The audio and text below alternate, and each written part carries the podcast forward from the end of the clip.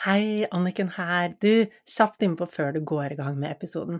Jeg lurer på, har du noen ganger kjent på en skikkelig sånn blåmandag, hvor ting bare er tungt og trist, og du ikke har noe energi eller ork?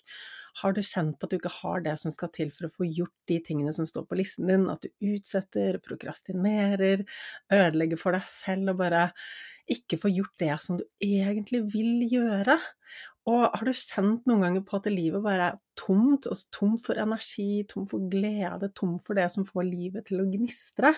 Jeg spør deg fordi dette her har jeg også kjent på, og jeg ante ikke at det faktisk var noe som jeg kunne gjøre selv. Altså faktisk hele nøkkelen til å få endret det ligger inne i meg, ligger inne i deg. Du har alt det som skal til for å få til den endringen.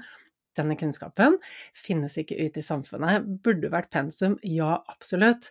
Og da jeg lærte det jeg nå kan i mentaltrening, så var det som om bare et stort lys gikk opp for meg, og endelig falt puslespillbrikkene på plass.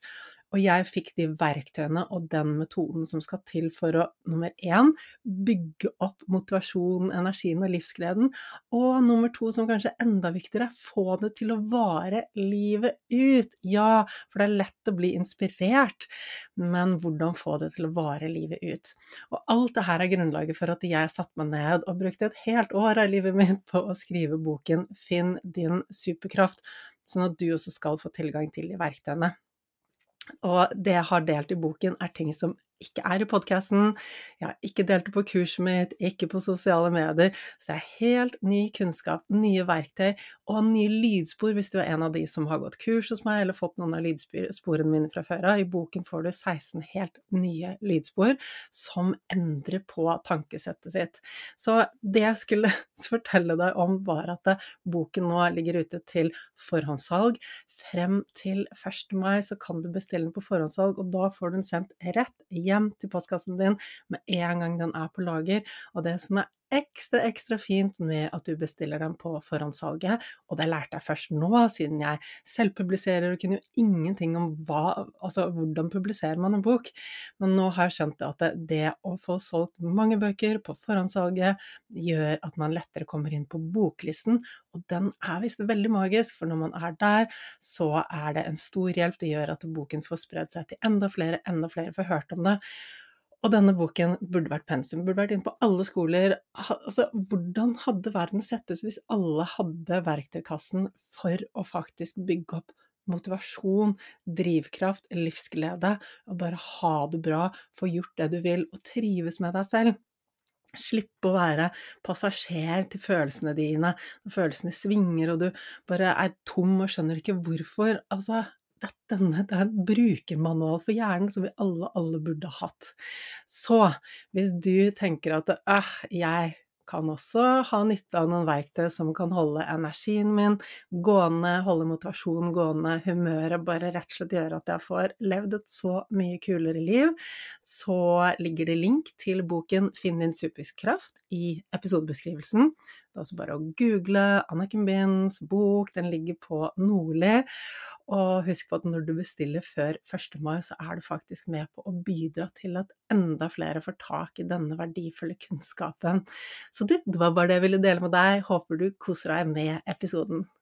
Det er alltid mulig å ha det bedre og få mer ut av livet. Med riktig kunnskap og gode verktøy så kan du også ta livet ditt til neste nivå.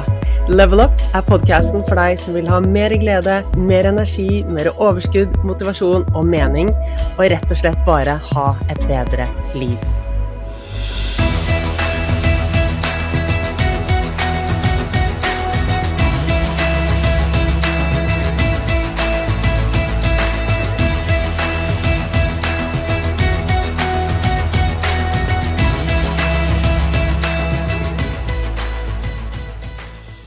Har du også tenkt at bare jeg hadde sett litt annerledes ut, bare jeg hadde fått meg en kjæreste, bare jeg hadde klart dette, bare ting hadde vært litt annerledes, så kunne jeg vært lykkelig? Ehm, jeg er helt sikker på at du også har tenkt dette, fordi sånn er vi med mindre vi har gjort en jobb for å endre på dette på innsiden. Selvfølgelig er vi ulike. Eh, noen av oss har et litt mer eh, positivt syn på livet enn andre. Noen står stødigere i seg selv og har bedre selvfølelse. Men jeg ser at de fleste jeg møter på min vei, de kan med fordel jobbe med å bygge opp selvfølelsen sin. Og har vi litt lav selvfølelse, så vil vi ende opp å tenke at gress er grønnere på den andre siden. At jeg først blir lykkelig når prikk, prikk, prikk. Når jeg går ned i vekt, når jeg blir penere, når jeg får denne nye jobben, når jeg får en ny kjæreste. Eh, dette henger sammen med selvfølelsen vår.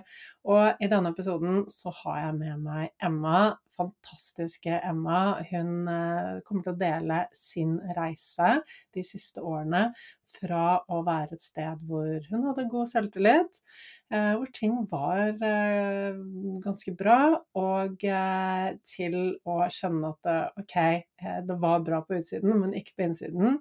Har gjort en jobb med å bygge opp selvfølelsen gått fra å ønske seg kjæreste til å faktisk ha kjæreste, eh, og deler av sin erfaring med denne reisen. Viktig læring, viktige ting å ta med deg fra denne episoden her, fordi at eh, ting er ikke alltid sånn som vi tror det er.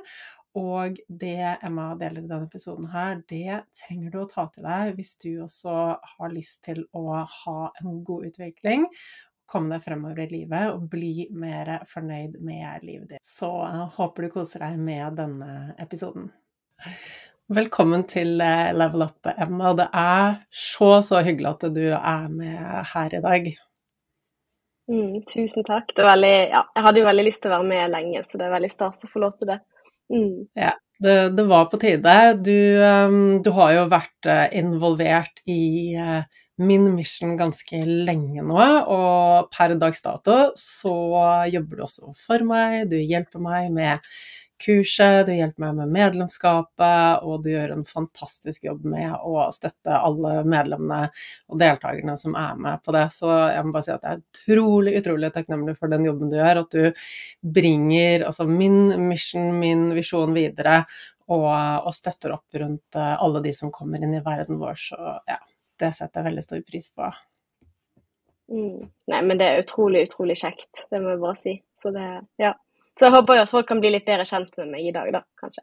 Mm. Ja, og det tenker jeg er eh, en av hensiktene her i dag. Um, først og fremst, Emma, altså, vil du bare si noen setninger om deg selv? Du, hvem du er, og hvor du kommer fra, og litt sånn? Mm, det kan jeg gjøre. Ja, jeg heter jo Emma, eh, og som man sikkert hører på dialekten, så er jeg fra Bergen. Eh, og jeg bor også i Bergen eh, sammen med kjæresten min og dvergpuddelen min Saga, da. Ja, så det er veldig kjekt. Og så jobber jeg for deg, Anniken, og i tillegg så er jeg også norsklærer, da. Så det er jo det hverdagen min består av, da. Ja. Mm. Så det blir mye turer med, med hunden og ja, med kjæresten og sånne ting, da. Så, ja, og Bergen er jo kjent for å ha høye fjell og ja. Så det er mye bra turmuligheter, iallfall. Mm. Å, så deilig. Jeg elsker det når jeg får meldinger fra deg hvor det står at eh, mm. nå skal jeg ta meg litt uh, egentid og få litt frisk luft og gå tur med Saga, og så logger jeg meg på etterpå og så bare yes, det er bra, riktig prioritering at du, at du tar vare på deg selv, rett og slett. Mm. Det er bra. Så, men det er jo Når er det du kom inn i, inn i verden min? Det er vel den to år siden, er det ikke det? Eh, jo, eller litt over det. Jeg tror det var um, høsten 2020. Eh, ikke, mm. Ja, litt mot slutten, men det var litt rundt når du lanserte denne podkasten, da. Eh, mm. Og at jeg fant det på Instagram og begynte å følge deg og sendte litt meldinger og sånne ting, da. Og ja, syns det hjalp veldig med de oppgavene som du la ut, og ja, syns det var at du kom med veldig nyttige ting i, i podkasten, da. Så da var det jo ikke tvil om at jeg måtte være med på kurset når det begynte da rett over eh, nyttår i 2021, da. Som var den første runden din med Mayboost, da. Så mm. ja. Så jeg bare husker virkelig ikke hvordan jeg fant det på Instagram, men av en eller annen grunn så ja. Eh, men jeg tenker jo at det må ha vært meningen, uten at man skal gå inn på veldig mye sånn svevende ting, men du skjønner, det liksom Ja. ja det var liksom begynnelsen, da. Mm. Når tiden er riktig, så, så, faller tingene på plass. Jeg husker jo veldig mm. godt de meldingene du sendte, og at du gjorde en så innsats for å gjøre altså de oppgavene jeg tipset om som jeg hadde i podkasten og på Instagram og sånn. Og, og, og, da kurset ble lansert, så var jo du eh, selvskreven til å være med på det kurset. Men Uh, har du lyst til å fortelle litt om, om, reisen din? Altså, hvor var du før du begynte med kurset? Altså, jeg er veldig interessert i hva som skjedde i løpet av kurset, for det har jo ikke vært en sånn rett frem vei til lykke, ikke sant? Det har vært mye som har skjedd uh, på veien, så kanskje vi starter litt med hvor du var uh, i livet ditt før du startet på kurset. ja. Mm, det kan jeg. Og det er jo, som alle kjenner til, så var det jo korona. Jeg begynte jo eh, litt under et år før kurset begynte, da, sant, i, 2020 eh, mars. Eh, og jeg satt jo på hjemmekontor og hadde en masteroppgave som skulle leveres, og eh, bodde alene. Eh, så det er jo klart at i seg selv så var jo det veldig tungt, da. Eh, og da var man jo måtte ganske langt nede, da, sånn mentalt, fordi det er klart vi trenger jo hverandre. og ja, Det er jo ikke rart at man var nede. Så sånn sett så var det jo veldig fint det med å også finne deg og andre på Instagram og sånne ting. Så selv om på en måte det digitale ikke kan erstatte det sosiale, da, så det jo var det i hvert fall veldig fint å kunne ha litt meldingsutveksling. Og Det tror jeg også har betydd veldig mye, da, at man kunne ja, prate litt med noen der, da. Eh, det har jeg gjort med flere, egentlig, da. Så, så det var, også var hunden min også blitt operert i 2020, så det var òg ganske tungt. Eh, så det er liksom litt for bakgrunn, litt sånn låst situasjon, da, opplever jeg. For jeg så liksom ikke helt hvordan man skulle komme ut av det. Da så leverer man en masteroppgave, og så man jo ja, har man jo ikke noen jobb med en gang, sant. Så man og i et nedstengt samfunn så var det litt vanskelig å komme seg litt inn igjen, da, kan man si. Uh, ja. Um, og så begynte jeg jo på kurset i uh, 2021, uh, på nyåret, ja. Um, og det som på en måte er greien, er jo at jeg fant ut at når jeg begynte litt på kurset, at jeg har hatt det bra tidligere, altså før pandemien, sant. Det er liksom viktig skille, men jeg innså jo på en måte at jeg har hatt lav selvfølelse, og ikke vært glad i meg sjøl Ja, altså jeg har prestert bra på skolen, jeg har prestert som treningsinstruktør, og jeg har ja, um, kan jo ha virket uh, som at jeg har vært veldig fornøyd med, med mye, da. Eh, og eh, jeg har ikke vært sånn at jeg har gått og gjemt meg, hvis du skjønner, da. Men eh, ja, så innså jeg jo at det var noe grunnleggende der, da. Så, som man måtte jobbe med. Og det betyr jo ikke at kurset på en måte gjorde at jeg bare fikk det bra med en gang, eller noe sånt. Men det var et veldig viktig grunnarbeid å begynne å gjøre, da. Og et veldig fint fellesskap, blant annet med, med livesendingen og sånne ting, da. Ja. Mm. På, med deg, da, og sånne ting. Med gjengen, da, på nettet. Ja. Ja, det er jo det. Og jeg syns det, det, er så fint det du sier Emma, om at ja, ok, før pandemien så, så, så virket ting som om du var bra, du var treningsinstruktør, du gjorde det bra på skolen, og vi, veldig mange av oss, jeg inkludert, har jo levd livet mitt sånn i, i, så mange år hvor jeg bare Ja, men eh, jeg har jo god selvtillit. Jeg har brukt mye tid på, på, å gjøre ting som ga meg god selvtillit på at jeg presterte og fikk til ting. Fikk masse skryt, fikk masse oppmerksomhet. ikke sant? Og så lenge vi liksom er i gang og hele tiden får påfyll av god feedback, eller vi er ute med venner og det skjer ting hele tiden, så får vi jo ikke sjekket inn med hvordan vi egentlig føler oss på innsiden. Og så er det sånn at det, blir litt vane.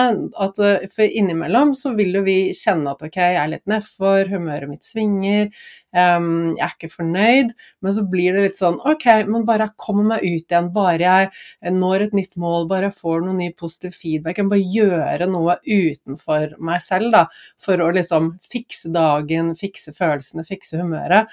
Og sånn holder vi liksom det hjulet gående, hvor vi fyller på med godfølelsen bare på utsiden.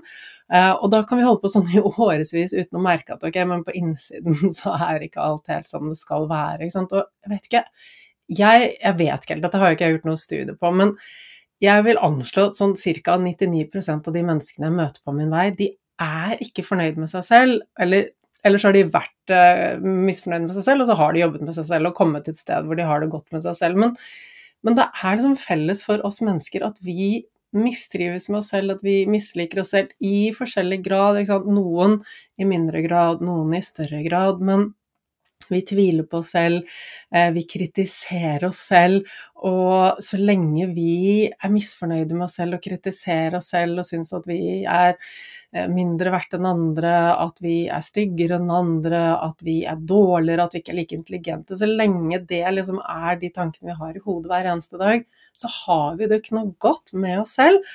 Og så er det sånn, ok, så, så, kjenner vi kanskje på det ubevisst at ok, det er noe ubehagelig her på innsiden, men bare jeg eh, får gode karakterer på den eksamen, eller får den nye jobben, klatrer i karrieren, løper maraton og får god tid, bare gjør et eller annet sånt, og oh, nå får jeg masse godfølelse og masse skryt, eh, og så merker vi ikke at det ikke er godt på innsiden, at, og, og, som du sier, det var selvfølelsen var lav, på utsiden var det mm. fint, og hadde god selvtillit. Akkurat samme med meg. Altså, I årevis så tenkte jeg at ja, men sånn som tingene er, sånn, sånn bare er det, og sånn skal det være.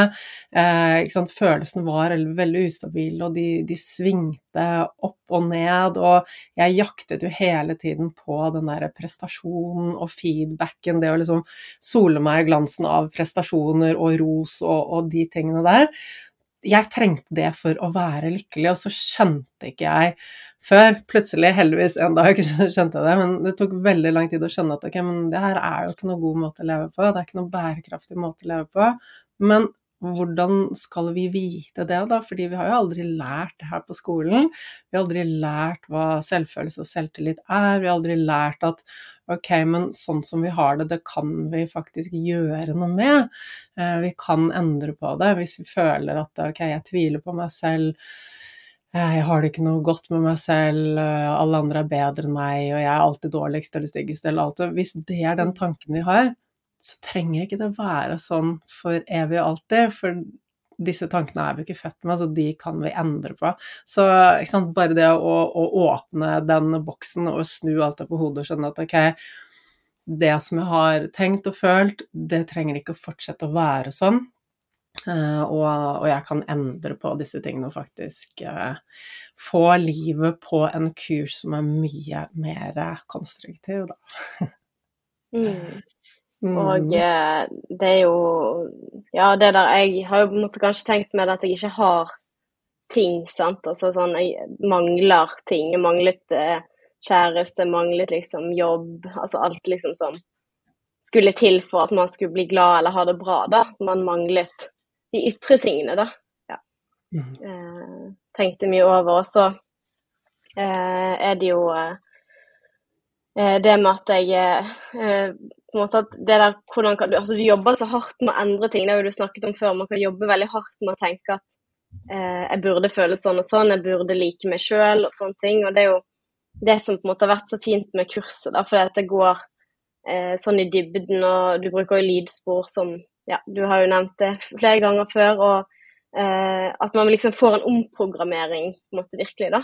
Eh, og et eksempel på det for min del er jo at jeg eh, hele tiden har tenkt at min Det er kanskje litt teit å si, men vi har jo arva ulike gener, ikke sant. Og har, jeg har en bror som blir veldig, veldig brun om sommeren, og det har jo irritert meg i veldig mange år, for jeg blir ikke så veldig brun. Eh, kanskje bare litt i Syden, sant? men ikke i Norge. Eh, og tenk liksom, jeg ble bare lykkelig hvis jeg ble brun, sant? for da vil jeg se så fin og fresh ut og, og sånne ting. Eh, og han har jo ertet meg litt for det også, opp igjennom. Men det som har skjedd etter kurset, at jeg, jeg tenker ikke over det lenger. Da. er Det ikke viktig for meg å bli brun, da. Ja. Mm. og det har jeg brukt ja. veldig mye krefter på å tenke på. Ja. Ikke sant? Og det er ikke sant, sånn som mm. du Ok, ja, det er kanskje bare en liten bagatell. Ja, nei, men det er jo ikke det, fordi det sier noe om hele tankesettet, da, ikke sant?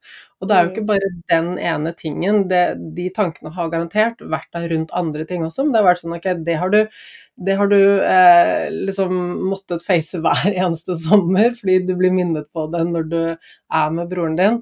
Um, så, så, det er ikke rart at den har vært der. Men det er de små tingene, det at vi hele tiden tenker at ok, men hun har penere hud enn meg, hun har finere kropp enn meg, eh, og hennes hus er mye finere enn meg, jeg har bare en liten leilighet, eller jeg har ikke Altså det er alltid ting som vi tenker at jeg må få for å bli mer lykkelig og mer vellykket. Vi er jo programmert, da, og det, og det må jeg si at vi mennesker er programmert til å ikke være fornøyd. Uh, og vi er programmert til å ønske oss noe annet og ønske oss noe mer, og det var jo viktig for millioner av år siden når vi levde som jegere og sankere, at vi hele tiden hadde den drivkraften etter å ønske oss noe mer og bedre. Uh, jeg tror det er en av de viktige grunnene til at vi menneskeheten har liksom utviklet oss fremover. Uten det så ville vi kanskje ikke overlevd som art. Um, men likevel, selv om det er en sånn programmering som ligger i oss, så trenger jo ikke vi å la den ta overhånd og styre hvordan vi har det hele tiden, ikke sant? Mm. Så Jeg er helt enig, og det er jo Ja. Uh, men det var bare et sånt uh, veldig konkret eksempel da på ja, på noe som liksom ja, har vært veldig vanskelig. Sånn også fordi at hvorfor har han arvet det? Det hadde vært greit hvis begge var bleike.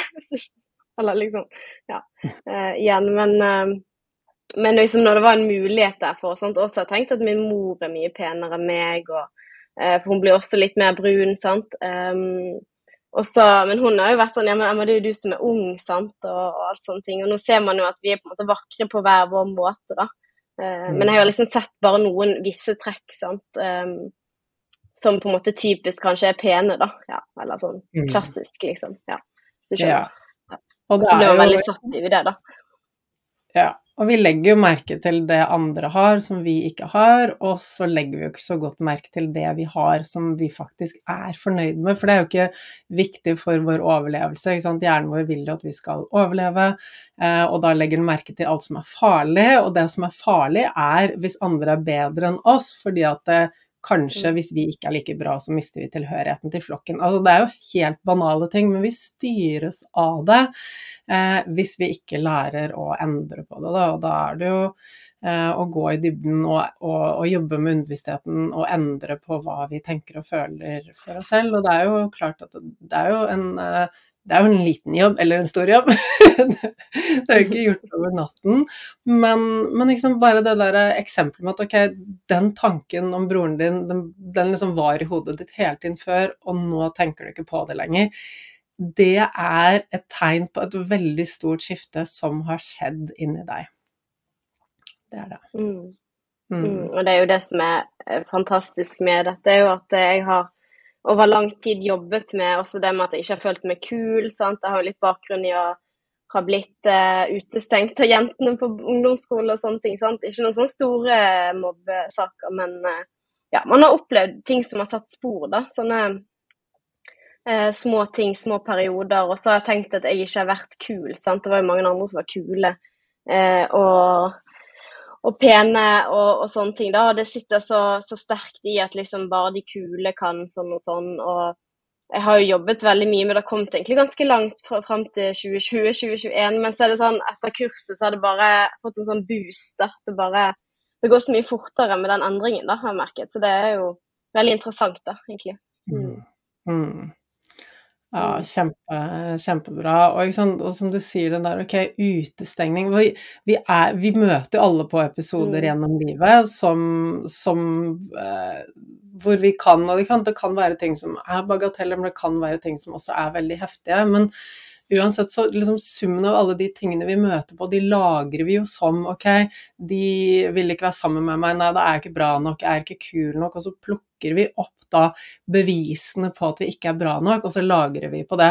Og jo flere av disse bevisene vi plukker opp, jo mer farger det hvordan vi ser på oss selv, og da begynner vi å plukke opp enda mer av de bevisene. Så er det sånn ok, vi er på byen, og så kanskje vi er på utkikk etter å se om det er noen kjekke gutter der, og så bare ok, nei, men jeg er jo ikke bra nok for noen av disse, eller de vil jo ikke prate med meg, eller ikke sant. Ingen vil være kjæreste med meg, jeg er ikke verdt å bli elsket. Og hvis vi ikke er glad i oss selv, så er det også vanskelig å tro at noen andre kan være glad i oss. Um, så, um, så, ja, alle disse tingene, summen av alle disse tingene farger oss jo, og er med på å bygge ned selvfølelsen. Ikke sant? En hendelse med en utestenging på ungdomsskolen, en hendelse på jobb hvor kanskje sjefen sa noe dumt eller et eller annet, så blir det alle disse som lager seg. Til slutt så sitter vi der med lavere og lavere selvfølelse. Uh, og det er jo ikke Vi skal jo ikke la andre ødelegge for oss. Vi skal jo ikke la liksom, omgivelsen ødelegge for oss, eller hjernen, fordi hjernen er programmert til å, til å huske utestengningen, til å huske de ordene sjefen sa, til å huske at han gutten ikke var interessert i å prate med meg. Det husker vi på. Vi husker at uh, mamma hadde de fine trekkene, det hadde ikke jeg. Vi husker at hun så sånn ut og hadde det jeg ikke hadde. Det husker vi, men vi husker ikke de bra tingene. Uh, men den programmeringen kan vi endre på sånn at vi faktisk legger merke til de bra tingene, sånn at vi faktisk tenker gode tanker om oss selv, og sånn at vi faktisk skjønner at ok, det at disse fjortisene utestengte meg på ungdomsskolen, det handlet ikke om meg, det handlet om at de var usikre, ikke sant? Uh, og når vi kan se og skjønne de tingene, så er det sånn ah, men da blir vi fri for den Altså jeg kaller det liksom feillæring.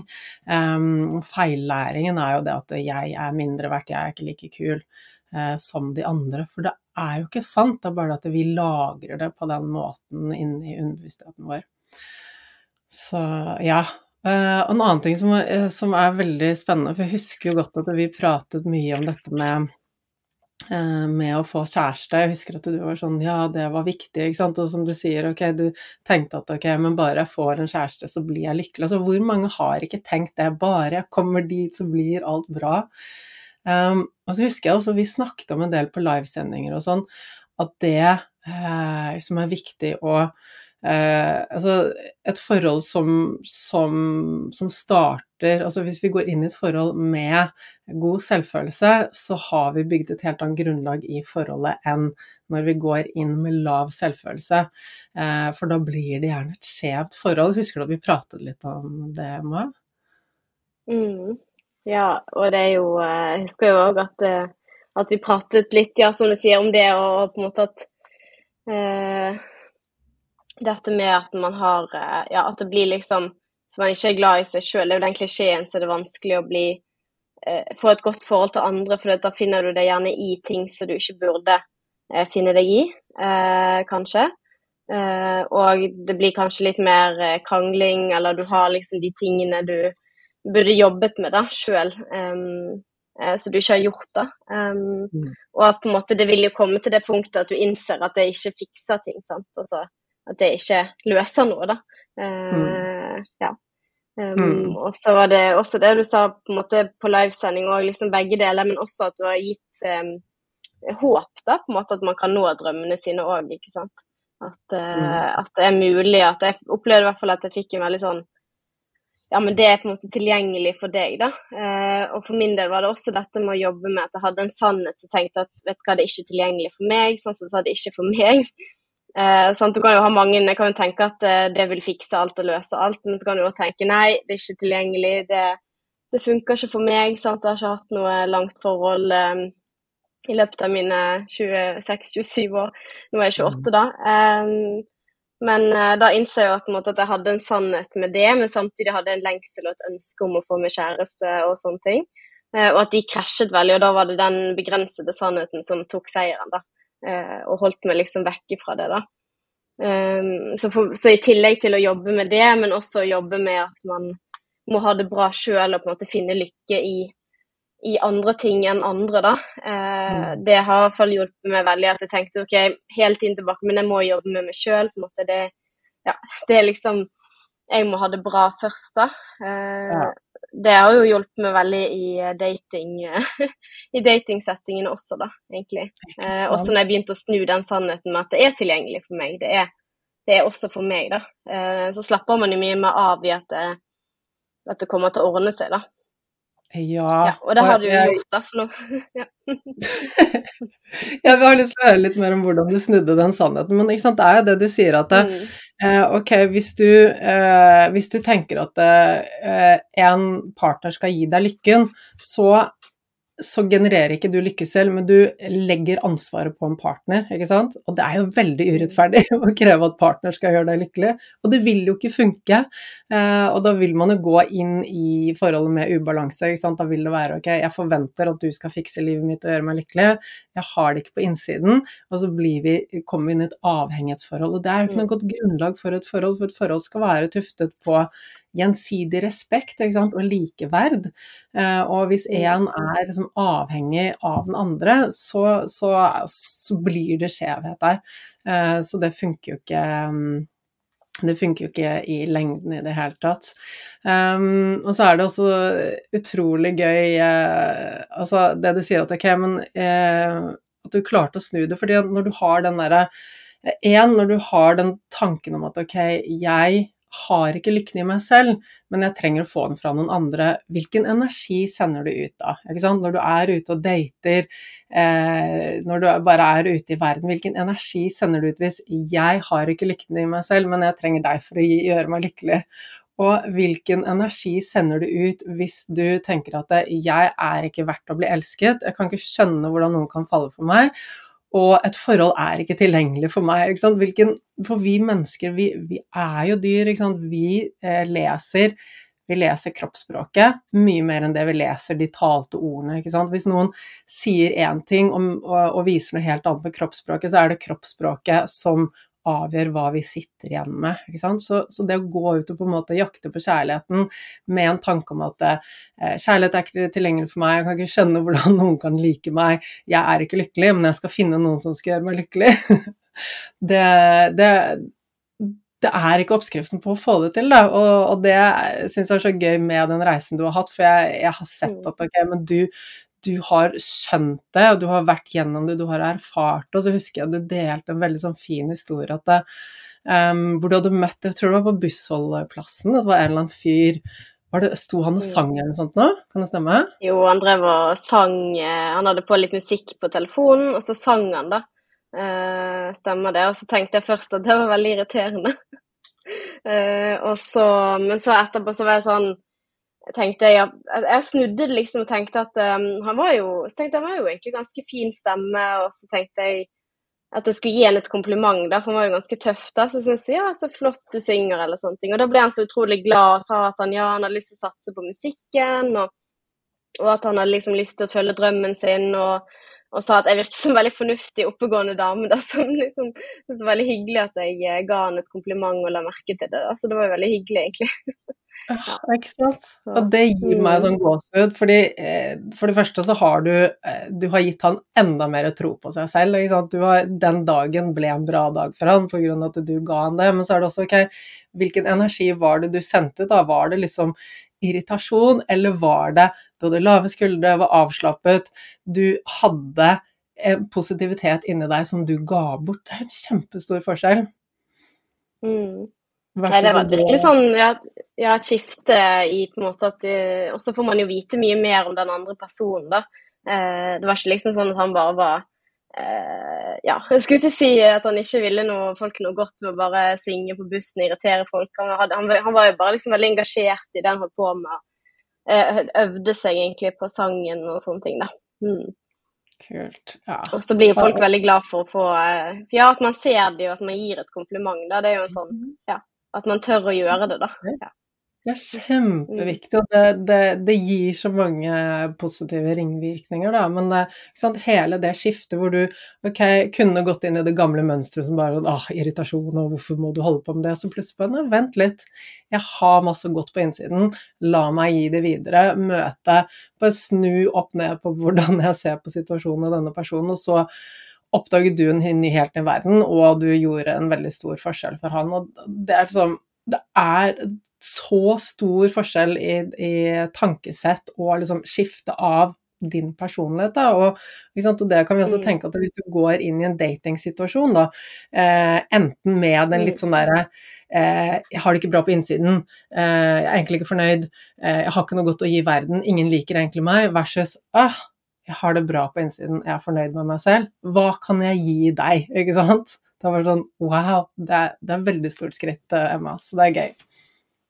Mm, nei, man utstråler en helt annen energi. Eh, det gjør man, og så Altså blir man mye mindre skuffet, sånn som jeg har vært på Tinder, sant. Og det, ja, det er jo liksom Man blir mye mer sånn Ja, vil ikke du det samme som meg? Nei, men neste Jeg var mye mer sånn Tok meg tid, da, men liksom Jeg var ikke sånn lei meg hvis jeg matchet, og så var ikke det noe jeg visste liksom mm. også mer hva man vil ha. da, At man på en måte tenker ja, men jeg vil ha et forhold sant? og vil ha en kjæreste. og Hvis man tenker at det er ikke er tilgjengelig, så tenker jeg at man tiltrekker seg det motsatte. Da tiltrekker man seg ikke det forholdet man vil ha. da.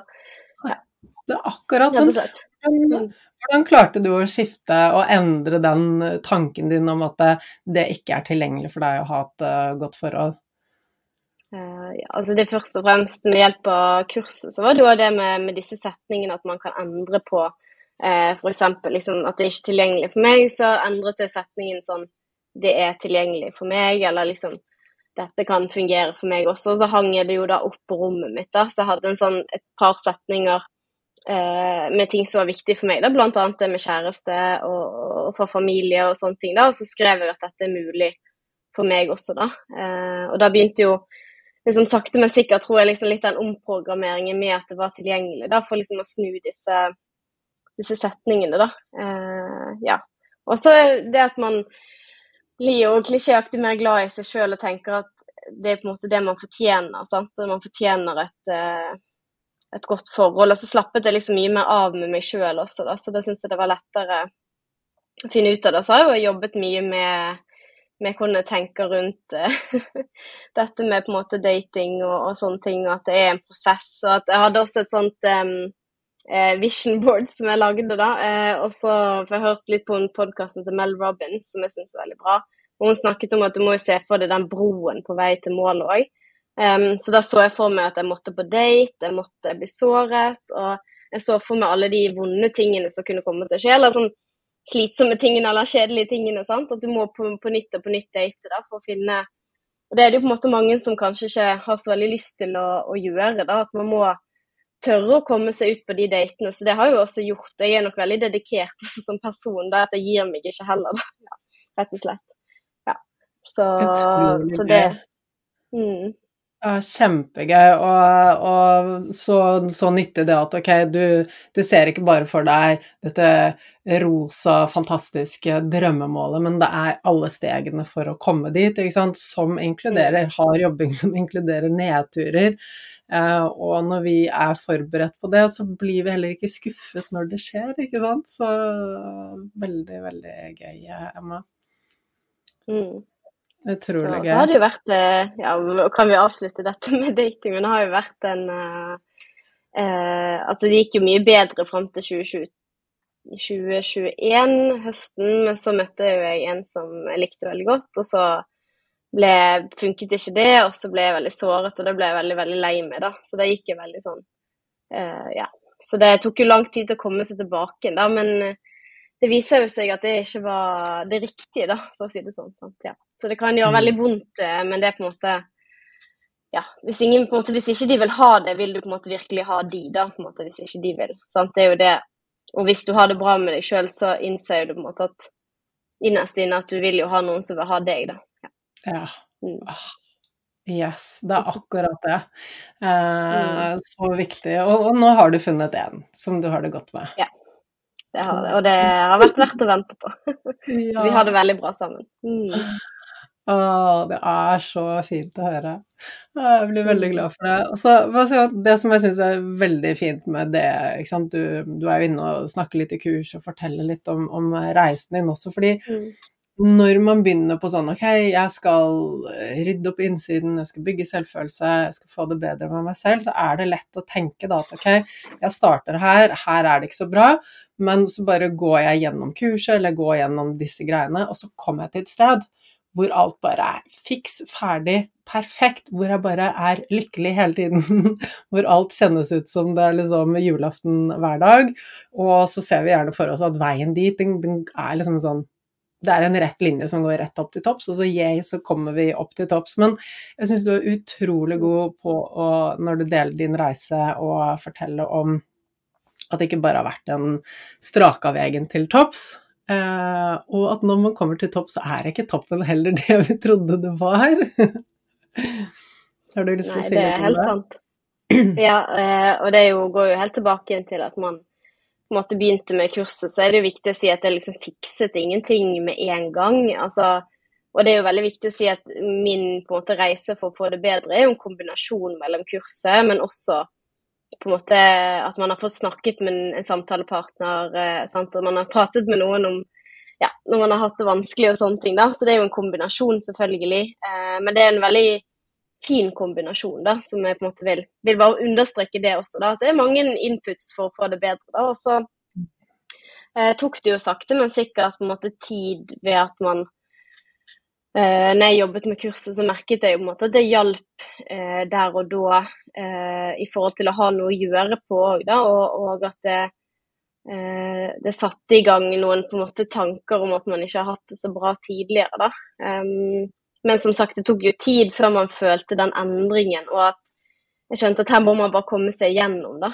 Eh, det er selvfølgelig i sitt tempo, men at det vil eh, aha-opplevelsen kommer jo sånn innimellom, sånn som med den på bussen sant? Og, og, sånne ting. Sånne små hendelser som man kunne dele i gruppen om at, eh, med tanker og sånne ting. da, Og så er det ja, eh, at, eh, at, jeg hadde jo en pause i kurset i to måneder, en til to måneder eller noe sånt, hvor jeg ikke jobbet. ikke sant, og, og så kommer vi tilbake igjen, eh, så det er jo absolutt ikke en sånn rett eh, prosess. da, Og så innser man jo òg at hvis man ikke jobber med det eller ikke er inni det, så er det jo ferskvare. Så jeg har jo merket kanskje nå i det siste at, at hvis man ikke er inni det og, og sånne ting, og, så kommer lett gamle eh, mønstre tilbake igjen. Og, og, disse siste på en måte to årene har jo jeg kaller det for gamle Emma banker jo på døren innimellom? Og, og tenker at ja, her har jeg fått masse rynker, og eh, at man ikke syns man er så fin og sånne ting. Men så det jeg merker er forskjellen nå, er at man lettere snur det da, til at ja, ja, men jeg er jo takknemlig for,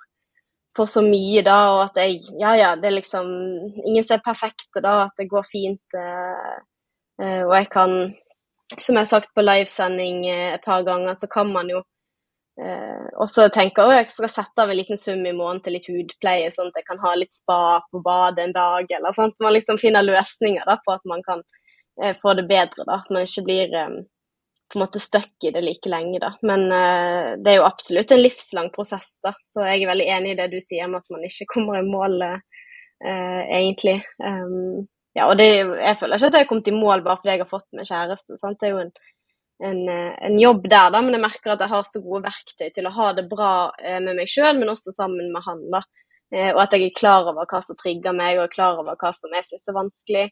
Um, og sånne ting, og veldig god på å kommunisere det. Uh, ja. Så det er klart det er en eh, kontinuerlig prosess. Uh, men det på en måte går mye bedre nå hvis man går opp noen kilo i vekt, eller sånne ting, så er det jo kjipt. Men jeg går ikke rundt og tenker at det definerer meg som person, hvis du skjønner. Ja. Ikke mm. sant. Ja, og det er en veldig mm. stor forskjell. Og jeg, jeg syns det er så mm.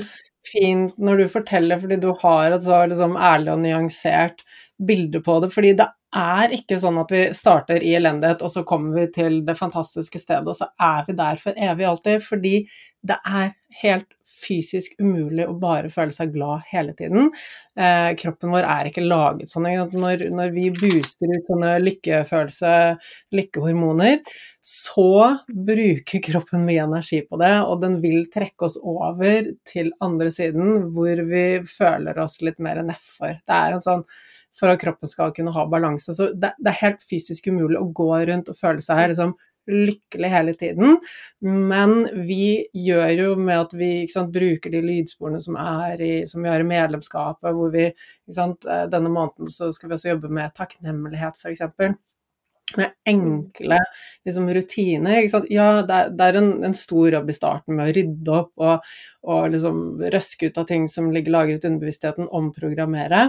Og Eh, og som du sier, så etter hvert så, så går det jo lettere, for ja, de, man kan falle tilbake, men Oi, men man kommer seg fort ut av det igjen. Fordi man, en, man har ikke lyst til å være der. To, man vet at man ikke trenger å være der, og man har verktøyene for å komme seg ut og komme seg videre. Um, og hele liksom nøkkelen til å, ha suksess i den prosessen er å akseptere at jeg kommer aldri til å være perfekt. Jeg kommer aldri til å bare være lykkelig. Ting kommer aldri til å bare være bra. Men så lenge jeg aksepterer meg selv, aksepterer prosessen, aksepterer der jeg står, og, og bruker det jeg kan om hvordan hjernen funker, hvordan jeg er, hva som skjer inni meg, så trenger vi ikke lenger være liksom passive eh, passasjerer som bare Oi, nå følte jeg meg nedfor. Oi, nå kjente jeg på mye sånn. Oi, nå skjedde det. ikke sant? Istedenfor å være sånn OK, mm. nå føler jeg sånn, eller så skjer det. Det er greit. Jeg vet også hva jeg skal gjøre for å kunne jobbe videre. ikke sant? Og som du sier, ja, liksom tenker lykken kommer når jeg får en kjæreste, og så fikk jeg en kjæreste, og oi, men da dukker det opp nye utfordringer. Hvordan Et samliv, og plutselig skal man kanskje ha barn. Livet endrer seg hele tiden, og det åpner seg opp nye dører med nye situasjoner. Hvordan takle de? Ja, du takler de ved å bruke den kunnskapen du har om hvordan du eh, jobber med deg selv, liksom, hvordan hjernen funker. Og akkurat det samme vi gjør når vi jobber med oss selv, det er jo det samme vi tar med oss inn i et forhold. Som du sier, det er en jobb som krever at vi vil, eh, og at vi gjør en innsats for at forholdet skal være bra og være evig. Det er ingen forhold som bare, eh, som bare er bra for evig alltid uten at vi har gjort noe for det. Vi må gjøre noe for det. Hvis ikke så tar ofte denne negativiteten eh, overhånd. Men, eh, men jeg syns du er liksom utrolig god på å nyansere bildet. Ja, du startet på kurs, og så falt du av, og da er det lett å tenke at å nei, men jeg klarer ikke å gjennomføre. Dette er ikke for meg, jeg har feilet, jeg er dårlig. Så begynner den hele den der eh, ramsen, mm. remsen på innsiden. Eh, men du snudde det og bare ok, kom i gang igjen. Og du brukte jo babyskritt for å komme deg videre da, ikke sant? Vil du fortelle litt om strategien din for å komme i gang igjen med kurset? Ja, altså da tenkte jeg sånn at eh, For først så tenkte jeg jo at jeg lå bakpå, da. Det må jeg jo innrømme. Eh, det tror jeg veldig mange kan kjenne seg igjen i, uavhengig av hvilke kurs man har gått. Det er sikkert mange som hører på som har gått andre kurs også. Men, men så tenkte jeg at det hadde jo vært veldig rart hvis Anniken ble skuffet over meg nå. hvis du skjønner. Jeg bare tenker at Det er ikke liksom lik Anniken å bli, da, tenkte jeg. Eh, det hadde vært veldig rart, iallfall. Um, ehm, så da tenkte jeg at det er alltid en god dag å begynne igjen på kurset. Så tenkte jeg kan liksom begynne nå, bare bestemte meg for en dag, da. Og så tenkte jeg at jeg skal bare ta en halvtime hver dag om morgenen, da. Med en kopp kaffe, og så gjorde jeg det. Uh, og så gjorde jeg det hver morgen sånn cirka, da. Um, det var passet liksom min situasjon, da. Um, og så var jeg vel ferdig med, med kurset sånn kanskje oktober, men da hadde vi begynt på det i februar samme år. Sant? Eh, så jeg brukte jo en del måneder mye lenger enn eh, livesendingen og på en måte den oppfølgingen varer. da. Men um, det var liksom det der å ta én ting av gangen og tenke at uh, ja, man kan alltids begynne igjen, da. Uh, og, at jeg, og, at jeg, tenkte du ville bli veldig stolt hvis jeg fullførte kurset. Så jeg brukte det for alt det var verdt, da. Ja, mm. egentlig. Ja. Mm. Og, og, og det, det, er så fint, fordi hvor mange har ikke gitt opp for evig alltid fordi man blir skuffet over seg selv. Jeg falt av. Mm. Alt kan skje. Det er så mange ting som skjer i livet som kan gjøre at vi bare ikke får til å gjøre det vi har planlagt, og så får vi dårlig samvittighet, føler vi at vi har feilet, og da blir det så stressende at vi bare ikke klarer å ta det opp igjen. Eh, men at du liksom der og da liksom klarte å, å, rydde opp nok i tankene dine til å tenke at ok, liksom det her, det her går an, jeg kan snu det. og jeg snur det ved å på en måte bare sette, legge lista veldig lavt. Sette av en halvtime hver dag. Eh, alle klarer å sette om det er ti minutter eller et eller annet sånt hver dag, så, så, klarer man å gjøre litt hver dag. Og, og ja, eh, du brukte lengre tid enn det liksom, de livesendingene og, og, oppfølgingen gjør, men nå har dere jo kurs i ti år også, så, og det er jo en grunn til det, for det tar tid å jobbe seg gjennom. men det spiller jo ikke noen rolle Eller jeg vil jo si at det er nesten bedre å bruke lang tid, for da får du fordøyd det ordentlig. Eh, og sant, når du ser tilbake på det nå, okay, hadde du vært ferdig i juni, eller var du liksom ferdig i, i oktober? Altså, hvilken forskjell spiller det, ikke sant? Eh, det, det, det, du gjorde ved å bare gjøre litt hver dag, og bare liksom legge, senke kravene så lavt at det ble lett å gjøre. Du koste deg med en kopp kaffe, du satte deg ned og bare ok, jeg skal bare gjøre en halvtime, kose meg med det, ferdig med det, og så litt igjen neste dag og litt igjen neste dag. Da kom du deg gjennom. Mm. Det her vil jeg bare at alle som lytter, tar med seg. Og så er det noen som kjenner mm. på motstand mot noe, så er det fordi at vi driver og kritiserer oss selv for at vi ikke har gjort det så perfekt. Ikke sant? Mm. Og det å prøve å gjøre ting perfekt, det gjør jo bare at vi ikke får gjort ting. Så senke kravene, gjøre det overkommelig, ta ett lite skritt om gangen, og så kommer vi i mål. Nei, det er jeg helt enig i. Jeg ville bare skyte inn kort på det med at eh jeg tenkte òg at man, man, trenger ikke ha sånn som jeg satt med en kopp kaffe, så man trenger ikke sitte liksom med en grønn te og sellerijus, eller ikke noe galt, men du skjønner liksom, det må ikke være mm. en bestemt måte å gjøre det på. Man trenger ikke fine tusjer og en fin notatblokk. Det kan man jo gjøre når man repeterer eventuelt et kurs senere. Så kan man skrive Det er bare til å skrible ned på noen Post-It-lapper eller det du har tilgjengelig. Uh, ja, sånn senke kravene, egentlig, da. Uh, mm. Så det var og at man ikke er mislykket, eller at man henger faktisk ikke bakpå, da. Bare liksom Og det er jo noe man jobber med i kurset, eller sånn generelt denne enten-eller-tankegangen, da. At uh, ja, det er lett å føle at man henger bakpå, det kjente jeg òg på, da, men, uh, men, at man gjør jo ikke det, da. Ja.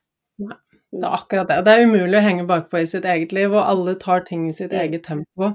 Uh, og som du sier, du la bort perfeksjonismen. Det må ikke være sånn Instagram-vennlig matcha latte eller sellerijus og pene tusjer og pen notatbok. Bare sånn, i pushen med kaffekoppen, med en uh, Post-It-lapp. Altså, mm. du fikk det til, du fikk resultater. Og det var ikke perfekt, men jeg vil jo si at det var egentlig perfekt, for du gjorde det liksom helt perfekt for deg. Eh, men du la bort tanken om at det må være sånn som det ser ut på Instagram. Så det var mm. utrolig nyttig. Jeg håper alle mm. tar med seg denne verdifulle læringen. Um, og Det er måten å, å liksom Altså, når vi tenker at ting må være perfekt i livet vårt, så ender vi bare opp med å bli skuffet og får ikke gjort noen ting i det hele tatt. Så jeg sitter jo selv og skriver Nei. bok nå, og det er sånn Å, det skal bli verdens beste bok! og jeg skal, det skal være sånn og skal være sånn, og, til slutt så er listen min over alt den boken skal klare å gjøre, den er så lang at det var Oi! Ikke sant? Og det kunne veldig fort ført til en sånn Nei, men da må hvert ord være perfekt når jeg putter det ned på papiret. Så da, det er nok til å bare drepe hele skriveprosessen. Så heldigvis så, så har jeg kommet så langt at jeg ikke um, tror på perfeksjonisme, at jeg kan le av meg selv, at jeg kan legge bort den. Og jeg har alle de tankene om, om, hva jeg ønsker at boken skal gi, og hva den skal være. Uh, og det er bare inspirasjon, uh, og det motiverer meg til å sette meg ned og, og, og være kreativ når jeg jobber, istedenfor å drepe kreativiteten fordi det blir stress. Fordi en perfekt bok blir det aldri, men den blir så bra som den blir. Mm, det blir, da kom jeg på noe med at eh, Jeg kom til å tenke på hva liksom jeg gjorde før i kurset, men jeg husker at du sa, snakket om mål på podkasten. Eh, og det hjalp meg veldig høsten 2020, for jeg innså jo at ikke det kom til å kanskje gå like bra på masteroppgaven som det hadde gjort under ideelle forutsetninger. Og så sitter du hjemme alene med en masteroppgave under en pandemi, og det er ganske kjipt, så er det klart at jeg er jo kjempestolt over at jeg leverte over 100 sider sant, eh, i det hele tatt. Men da tenkte jeg at jeg justerer målet mitt fra B til C, og da blir jeg jo mest sannsynlig mer fornøyd. Og så fikk jeg en C, og da ble veilederen min kjempeglad, jeg ble veldig glad, og jeg følte liksom jeg hadde nådd målet. Istedenfor å være misfornøyd med at jeg hadde fått en C, for det målet var jo B. Men mm. jeg vet jo med meg sjøl at jeg kunne nok klart en B, jeg kunne sikkert klart en toppkarakter òg hvis jeg hadde jobbet for det, det rette. Men det, det, er ikke nødvendigvis det som er riktig, på en måte, det bare er det beste. da, så jeg kan jo innimellom kjenne på det når folk sier 'Å, jeg fikk B på masteren', eller 'A', liksom det var nådde målet mitt', og liksom tenker 'Å, jeg fikk denne C-en, jeg, da', men ja. Mm. Eh, men det at det hjalp meg veldig mye å høre på den podkasten, eller et eller annet du delte om, om eh, det med mål, da, å justere mål, at det er lov, da, og da gjorde det at jeg ble mye mer fornøyd og var kjempestolt over meg sjøl over at jeg leverte og fullførte. Og, ja, med en ja. god karakter, egentlig. Mm. Ja, og det er jo det, ikke sant. Og du, du var mm. realistisk. Ok, omstendighetene er sånn. Jeg, jeg er ikke på mitt beste. Istedenfor å slå deg selv i mm. hodet, så var du realistisk. Uh, og det er jo bare super, superbra. Ah, så mye gull. Du, Emma, hva tenker du liksom er den største endringen i livet ditt fra som det var før du startet på denne reisen med kurset og, og alle de tingene vi har gjort sammen, og ja, den største endringen fra, fra, før det til sånn du har det i dag. Og så vet vi at denne reisen med å utvikle seg selv, den er aldri ferdig. Det vil alltid dukke opp nye ting som vi skal lære, nye utfordringer, bli kjent med oss selv. Vi blir trukket inn i gamle mønstre igjen. Men, men, ja, bare fortell litt om, om hvor du står nå i forhold til hvor du var før. Mm, nei, det, liksom De viktigste punktene er jo at jeg er mye mindre negativ. Det merker jo de rundt meg.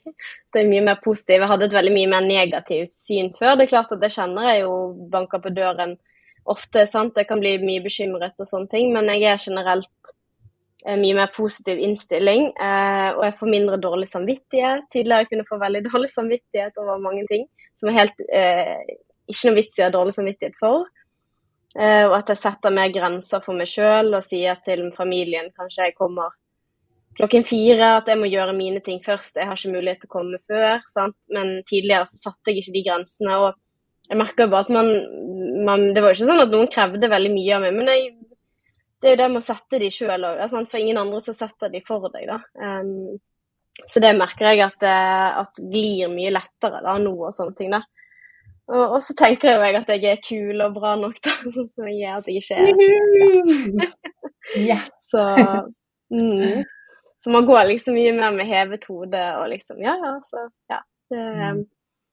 Og så har jeg jo et det mye bedre med ja, også med hunden min, som på en måte det har vært litt utfordringer med. Hun har vært operert, hun har bjeffet mye. Jeg har følt meg veldig mislykket som hundeeier innimellom, da, men nå bryr jeg meg mye mindre om hva andre tenker jeg vet at jeg gjør så godt jeg kan med hund. og ja, Hvis hun bjeffer litt, så er ikke det så farlig. da. Tidligere gikk jeg veldig i kjelleren på at herlighet, hun er ikke perfekt. og så ja. Eh, så nå er det liksom, det går mye bedre, da. Da har man det mye bedre i, i livet. Eh, siden ja, Hun blir jo snart fire år, da, så jeg har hatt henne eh, veldig lenge, da. Eh, også en ting som også har vært veldig, veldig viktig, er jo at jeg hadde en veldig sånn skrekk for å gå inn i butikker og kafeer og sånn. Det har jeg ikke sagt så mye om. Eh, det kan sikkert andre som har vært rundt meg, at det har blitt veldig sånn Nei, jeg vil ikke bestille, jeg vil ikke eh, helst ikke gjøre det. Og synes at gå inn i en fin butikk med fine plagg, sant, og man tenkte de klærne er ikke for meg. Altså bare det Jeg føler jeg må kjøpe noe hvis jeg går inn, sant. Liksom. Eh, og nå merker jeg at det går mye lettere, at jeg er mye mer modig på å gå på, på butikker, på kafeer og jeg hadde til og med sånn skrekk for å Nå går ikke jeg så ofte på McDonald's, men jeg må bare si at jeg hadde sånn skrekk for å gå der og bestille òg. For jeg syns det var så teit å liksom tenke om noen ser meg. sant? Og, eh, men nå er det sånn eh, Ja. Jeg hadde en utfordring før jul om at jeg gikk på McDonald's og prøvde å bestille noe, og så gikk det. Ja, men altså, det går jo fint. Det er ingen som bryr seg. Å, så bra. Så det Bare gjøre de tingene man vil. Hvis man vil gå inn i en fin butikk, vil man gå og kjøpe det. Ja. Mm. Uh, det satt veldig Det var også en sånn begrensende sannhet, da. Mm. Ja. Du er rett og mm. slett mye friere, mye gladere, ja. mye sterkere og har en helt annen utstråling nå enn det du hadde i starten da jeg ble kjent med deg. Det er jo Det er til å ta og føle på, Emma. Mm. Nei, men Det er veldig gøy å høre. Det er jo litt uh, enklere kanskje for folk å se, eller annerledes for folk å se utenfra òg, da. Mm. Eh, at de, du ser jo det på en helt annen måte enn meg. Selvfølgelig, jeg merker det jo, men det er jo så gøy å høre uh, ja, at du sier det, at andre ser deg utenfra. Da, og ser liksom den utviklingen man har vært med på. da. Mm. Mm. mm. Tenk, dette er bare starten. Tenk på alt det kule som venter deg fremover.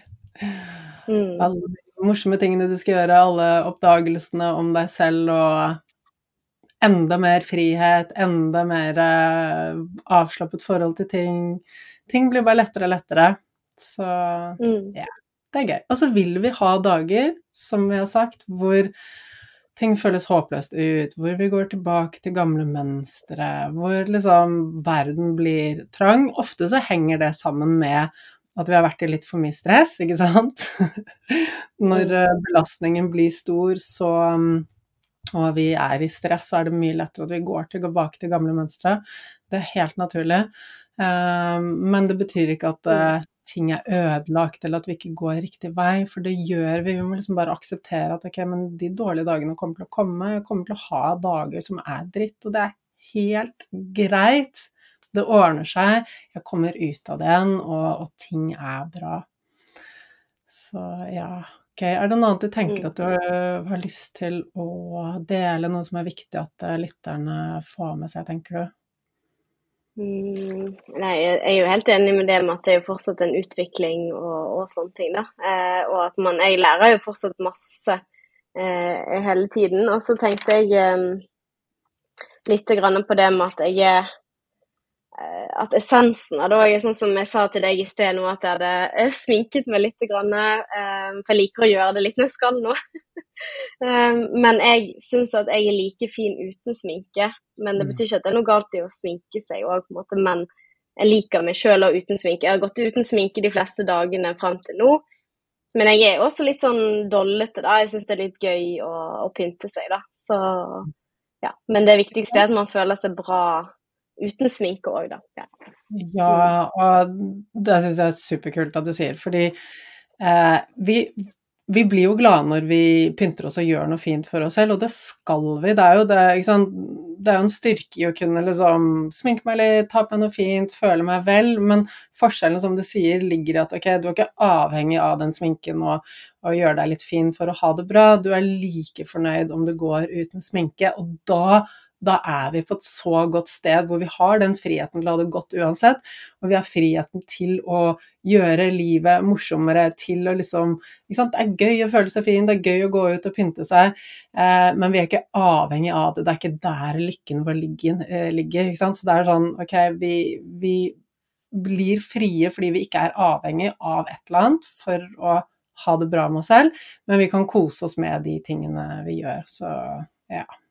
Gøy. Nei, det var liksom fint å eh, Det blir liksom sånn eh, kan, Nå kommer norsklæreren i en sirkelkomposisjon her, men kommer tilbake med dette med, med, med det å være brun og, og sminke og sånne ting. At jeg, sminket meg jo veldig mye eh, hver dag, og når jeg var, gikk på ungdomsskolen, så eh, sminket jeg meg jo før jeg skulle på trening og, eh, og sånne ting. og det har jo fulgt med meg veldig lenge, da, fordi at man, man ikke har den naturlige Eller ja, at man ikke blir veldig brun, sant? og da liksom føler man at man trenger noe ekstra. Følt at man har trengt selvbruning og ja, øh, og sånne ting, da. Eh, og tidligere likte jeg jo ikke engang krøllene mine, sant? Men, men det har jeg jo også begynt å like. Fordi at noen tidligere kommenterte kommentert at ikke de var fine, sant. Eh, Og de er så fine! ikke folk med krøll.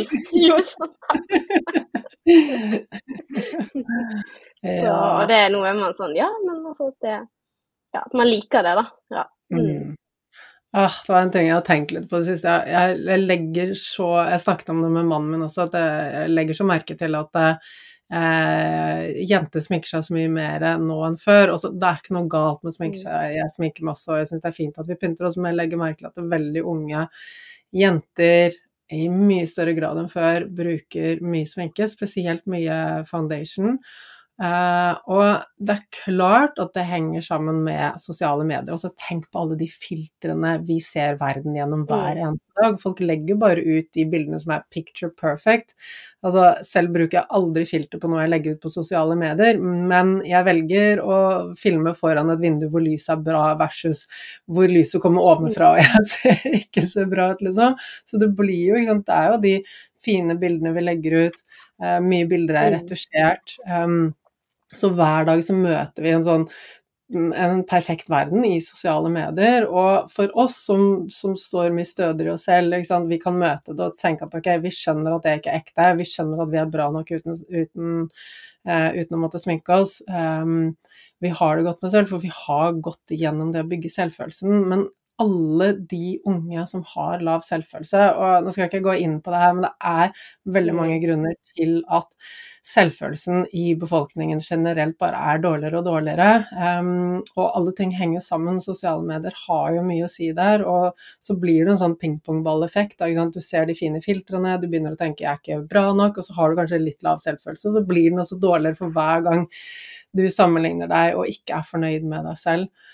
Uh, så jeg sier ikke at det er galt å sminke seg, jeg bare sier at det, for alle de som er et sted hvor de ikke er fornøyd med seg selv sånn som de er Altså, jeg syns jeg ser finere ut med litt maskara, eh, da ser jeg mer våken ut, men jeg syns fortsatt jeg er fin uten maskara.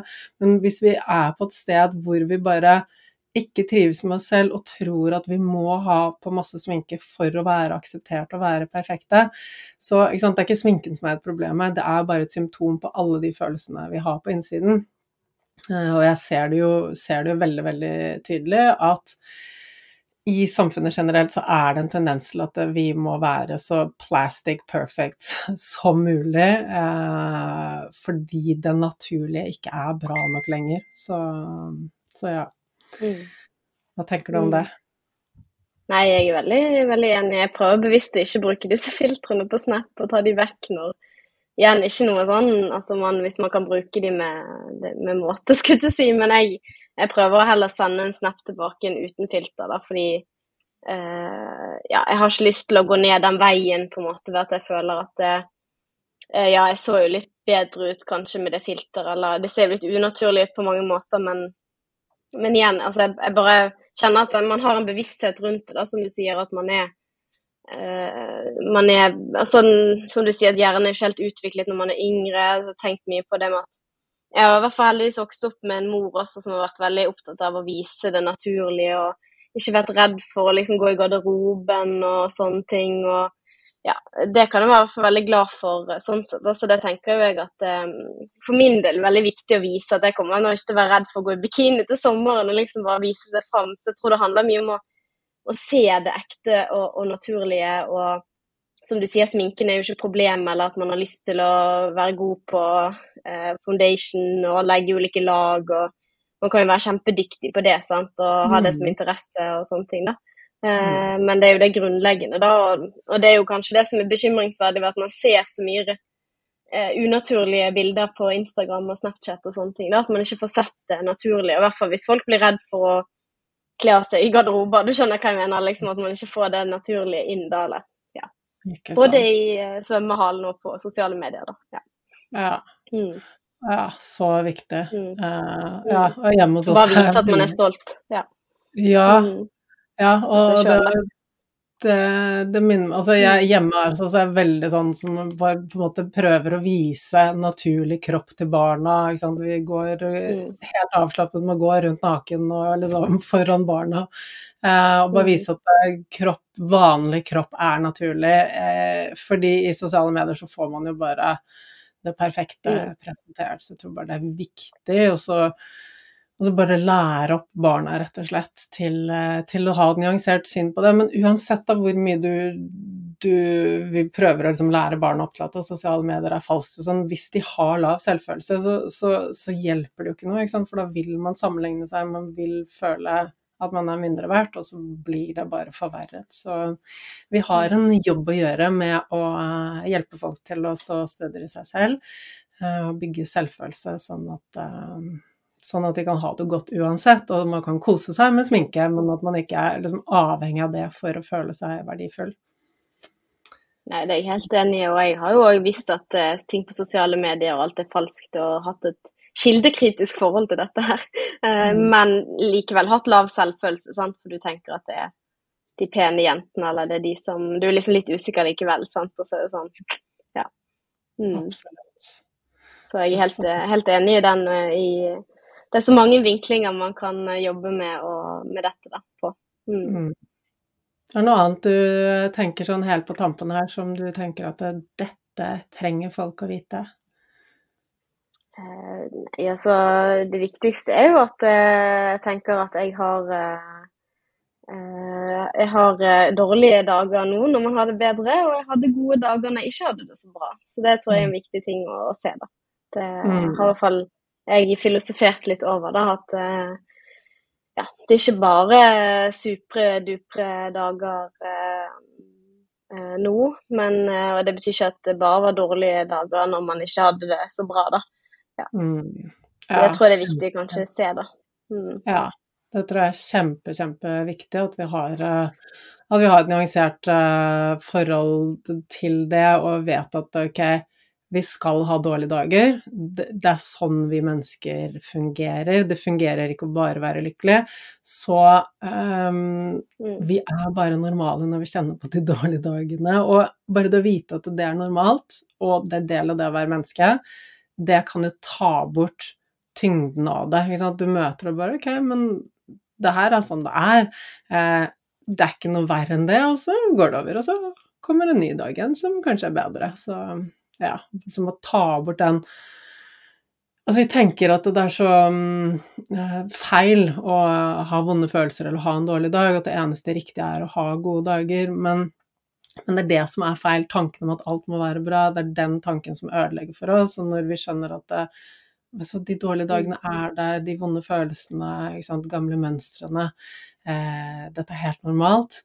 Eh, og da er det ikke så farlig lenger. Da, da, da da slipper vi å liksom føle at det er oss det er noe galt med, fordi det er helt normalt. Og det kan liksom ta bort, når vi tar bort den liksom frykten for at det er noe galt, om den har en dårlig dag igjen, hva jeg har gjort og hvorfor er det sånn, hvis vi tar bort alt det, så, så er ikke den dårlige dagen like ille. Mm. Nei, det er enig med det. Jeg syns det har hjulpet veldig med å bli med med å akseptere at man kan være lei seg, akseptere at man er lov til å være sint, eh, men man blir ikke like lenge i det, da. Men det er lov til å være føle det man føler likevel. Og så opplever jeg at det er mye mer aksept for at jeg er et, veldig følelsesmenneske, så jeg eh, føler litt ekstra på ting. Kan eh, kanskje bli litt Begynne Jeg begynner å grine litt oftere av ting. Men så det får være greit, en del av sånn som jeg er da, på en måte. Ja. Mm. Hvis du skjønner. Mm. mm. Ja, mm. ja, det er bra, ikke sant. Altså, når vi aksepterer sånn som vi er fordi vi er forskjellige, da er det ikke lenger like farlig. Og så kan vi være fornøyd med oss selv med visshet om at ok, men det er meningen at vi alle er ulike, vi skal ikke være like. Og det å ønske at jeg er sånn som hun eller han, det, det gir oss ikke et lykkelig liv. Mm. Mm. Ja, men Så bra, Emma. Det har vært så utrolig mye fin læring, så mye fine perspektiver. Tusen takk for at vi fikk dele reisen din. Og alle de som går kurset og er med i medlemskapet, de blir jo enda bedre kjent på deg. Så ja. Mm. Nei, det er også veldig hyggelig å være med, og jeg håper at folk har blitt litt bedre kjent. og ja, eh, kanskje få litt mer eh, stemme og ansikt på den ja, som de møter eh, eh i din verden, da, siden jeg er en del av teamet ditt. da. Mm. Mm, veldig, veldig bra. Helt sikker på at folk kommer til å se mer til deg også, Emma. Mm. Så ja, tusen, tusen takk for det i dag. Så ja. Takk for nå. Vi snakkes. Gjør vi det. Hva sitter du igjen med etter å ha hørt denne episoden? Jeg håper du sitter igjen med bedre forståelse for deg selv, mer aksept for de dårlige dagene, eh, mer aksept for at vi ikke trenger å være perfekte. Vi kan ikke være perfekte, vi kan ikke være lykkelige hele tiden. Jeg håper du sitter igjen med litt større raushet for deg selv og mer ro i sjelen om at du er normal hvis ting ikke er fantastisk hele tiden. Det er sånn livet er. Så del gjerne med meg hva du sitter igjen med, hva du har lært fra episoden. Tagg meg gjerne i sosiale medier, det blir jeg veldig glad for. At du deler denne kunnskapen videre. Jeg blir så, så glad for at du deler podkasten med andre. Det er det som gjør at vi får podkasten ut til enda flere. Jeg har ingen mediehus i ryggen, jeg gjør alt selv med denne podkasten. Og grunnen til at eh, vi ligger så høyt oppe på listene hver uke, er fordi du er god på å dele det videre med, det, med de du kjenner. Og det gjør at innholdet blir tilgjengelig for enda flere. Og jeg vet at denne kunnskapen endrer liv. Jeg vet at folk får det bedre, så jeg setter utrolig stor pris på at du også er med og deler dette videre. Så du, nå er det din tur til å gå inn i ditt liv, være mer nysgjerrig på dine tanker, dine følelser, akseptere deg selv mer når du har en dårlig dag og når du ikke er perfekt, og kose deg i prosessen. Så gleder jeg meg til å se deg neste uke.